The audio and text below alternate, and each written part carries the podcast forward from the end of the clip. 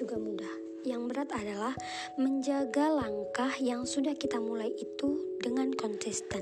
Sebab apa? Kita tahu sendiri bukan? Yang namanya jalan tentu tidak selamanya datar.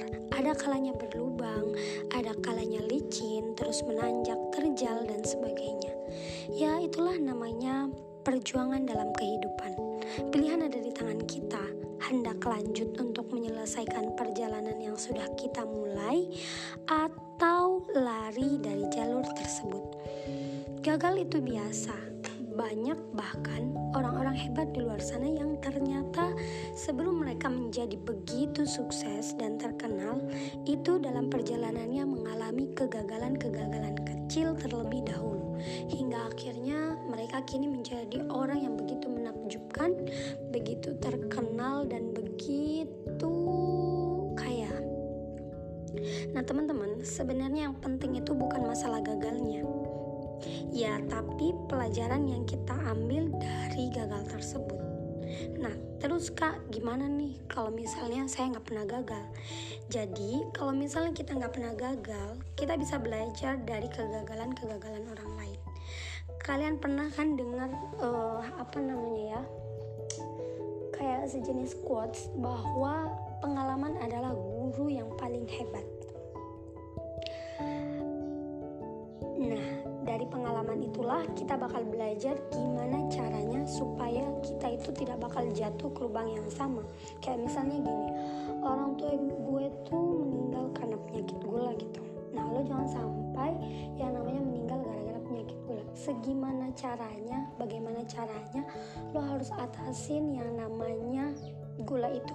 Karena pernah dengar nggak sih yang namanya gula atau penyakit gula atau diabetes itu bakal nular ke anak cucunya? Nah lo sebagai anak atau cucu dari penderita gula itu lo harus benar-benar tuh cari informasi-informasi di Google kayak atau di um, apa ya artikel-artikel atau bahkan tanya ke dokter nih gimana caranya untuk mengatasi yang namanya gula supaya jangan sampai lo kena penyakit gula ya kan nah walau kita tahu yang namanya kematian itu adalah takdir dan takdir itu sudah Allah yang tentuin gitu kan Nah, balik lagi ke topik kita tadi tentang kegagalan. Menurut teman-teman sendiri, kegagalan itu masalah nggak sih sebenarnya? Sebenarnya emang masalah atau enggaknya kegagalan itu tergantung sama kita sendiri. Nah, maksudnya gimana? Ya gimana cara kita sendiri dalam menyikapinya. Nah, kalau misalnya kita nganggap itu kegagalan sebagai suatu masalah yang bener-bener gede gitu kan ya itu emang bakal jadi masalah gitu buat lo nantinya. Jadi kalau misalnya lo pengen kegagalan itu nggak jadi masalah ya lo sendiri harus berpikir gimana caranya kegagalan ini nggak bakal jadi masalah. Nah di kesempatan ini gue pengen cerita atau bagi tips nih sama kalian gimana caranya buat jadiin masalah atau kegagalan yang udah pernah kita alamin itu menjadi sebuah peluang yang pertama, lo tahu kan yang namanya orang kegagal, orang gagal atau orang yang lagi dapat masalah atau orang yang lagi terpuruk gitu, itu pasti ngerasa apa ya? Kayak ngerasa dunia ini sedang tidak berpihak gitu, cile. Iya kan? Iya pasti gue pernah ngerasain itu. Nah, cara gue ngatasin dunia yang sedang tidak berpihak pada gue itu yang pertama adalah dengan cara curhat. Nah, biasanya ada dua nih cara yang bisa kita lakuin uh, dari curhat itu atau cara curhat itu sendiri itu ada dua gitu. Yang pertama, misalnya lo adalah uh, tipe-tipe orang yang suka tempat sepi atau berani di tempat sepi, itu bisa banget lo pergi ke tempat yang sepi, terus bener-bener sepi nggak ada orang. Nah di situ lo ngoceh gitu ngoceh sendirian ceritain semua masalah yang lo rasain sekarang jangan sampai ada ketinggal sedikit pun terus abis itu lo teriak deh teriak sekencang-kencangnya sampai nggak ada sedikit pun masalah yang tertinggal. Jadi tuh rasanya kalau kita udah cerita ngoceh sendirian semua masalah udah kita keluarin walaupun istilahnya nggak ada yang denger palingan kucing atau jangkrik gitu yang denger ya. Tapi apa ya? Kayak ada rasa-rasa kepuasan tersendiri gitu. Apalagi abis lo ngoceh terus lo teriak gitu sekencang-kencangnya. Kayak lo bilang apa ya ah gitu atau apa deh. Intinya lo teriak itu pasti bakal lega. Tapi kalau misalnya lo adalah tipe orang yang takut dengan yang namanya tempat yang sepi atau tempat-tempat yang sunyi lo mending pergi ke kamar aja deh. Lo pergi ke kamar lo cari pena sama pensil terus lo tulis semua keluhan-keluhan yang lo rasain saat ini.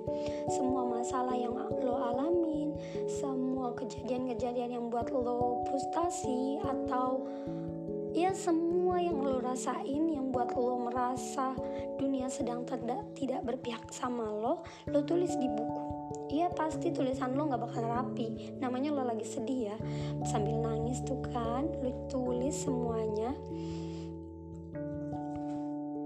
Dan lo rasain deh Abis itu rasanya gimana Pasti rasanya lebih ringan. Walaupun istilahnya lo itu curhat sendiri nggak ada yang dengar palingan cuman buku buku tuh bilang ya apaan sih gue ditekan-tekan pakai pena gitu kan. Tapi itu bakal ngerasa lebih tenang. Nah setelah lo tenang lo pasti bakal bisa berpikir lebih jernih gitu kan. Setelah lo berpikir lebih jernih cara yang kedua adalah dengan lo mengubah mindset lo. Kalau menurut gue mindset itu adalah ibarat setir dari kendaraan kayak mobil atau perahu atau apa yang pakai setir-setir gitu. Nah, mindset itu setirnya. Nah, tahap dalam mengubah mindset ini adalah tahap terpenting dari bangkit dari kegagalan kita. Kenapa gue bilang penting?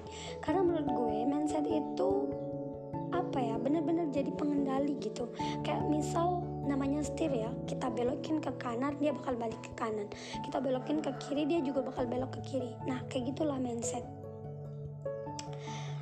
Jadi ketika lo punya mindset bahwa kegagalan itu adalah kesuksesan atau jalan menuju ke arah yang lebih baik kayak misal kesuksesan yang tertunda gitu kan nah pasti lo lebih semangat lagi deh kayak seakan oh ya sekarang gue gagal. Tapi nanti tunggu aja sukses sedang nunggu gue tuh di depan.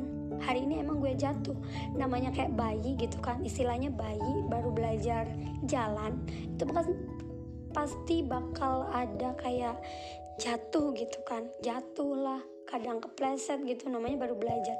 Tapi lo yakin di depan bakal ada kesuksesan yang bakal nunggu lo itu pasti lo bakal semangat banget lo bangun lebih pagi terus lo lebih rajin buat apa namanya ngelakuin ngelakuin tahap-tahap dalam uh, pembangkitan lo istilahnya.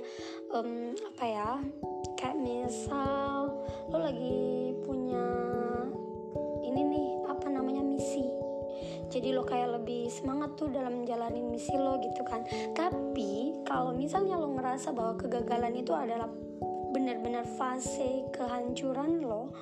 Jadi dalam artian yang hancur benar-benar hancur parah. Dan saking parahnya enggak ada sedikit pun apa ya cara yang bisa atasin itu semua.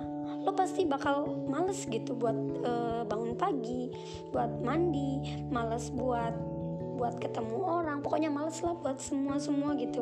Nah pasti lo bakal ogah gitu ngelakuin hal-hal hari-harian lo gitu. Karena lo nganggap bahwa kegagalan yang, yang lo alamin hari ini kali ini detik ini itu adalah sebuah kehancuran yang gak bakal bisa diperbaiki nah itu dia. Itu adalah mindset. Ketika kita memandang uh, mindset ke, tentang kegagalan itu adalah sebuah kehancuran yang gak bakal bisa dipulihin lagi ya emang jadi kayak kita males buat ngapa-ngapain. Jadi kayak sebenarnya mindset kita itu yang membuka kita sendiri. Kalau kita anggap kegagalan itu emang bakal uh, ngalangin kita buat sukses ya memang bakalan ngalangin lo buat sukses beneran. Karena lo males buat ngapa-ngapain ya gimana? Kelanjutan hidup lo. Lo butuh makan lo butuh minum. Dan kita tahu sendiri yang namanya makan minum itu kan gak ada yang gratis gitu ya Nah itu dia. Tapi kalau misal kita nganggap kegagalan itu sebagai jalan menuju ke arah yang lebih baik, ada kesuksesan yang menunggu di depan. Kita jatuh hari ini, basi bangkit lagi jatuh bangkit lagi terus terus terus ibarat bayi yang baru belajar berjalan gitu kan jatuh bangkit jatuh bangkit dan akhirnya dia bisa berlari sampai akhirnya dia bisa ngambil tuh misalnya ada toples di atas lemari gitu kan nah ya kayak gitu itulah namanya mindset jadi um, menurut gue uh, mindset itu penting banget dalam mengubah diri ke arah yang lebih baik. Tergantung mindset kita. Mengubah diri. Kayak pengendali kita gitu. Pokoknya kalau misal kita nganggap emang sesuatu itu udah stuck gitu nggak bisa ke mana-mana ya nggak bisa ke mana-mana gitu. Dan cara mengubah mindset itu adalah dengan memperbanyak wawasan kayak baca-baca buku motivasi, dengerin podcast atau YouTube. Nah, itu benar-benar berpengaruh banget buat yang namanya mengubah mindset atau pola pikir. Oke, sekian yang dapat gue sampaikan dalam kesempatan kali ini. Terima kasih. See you.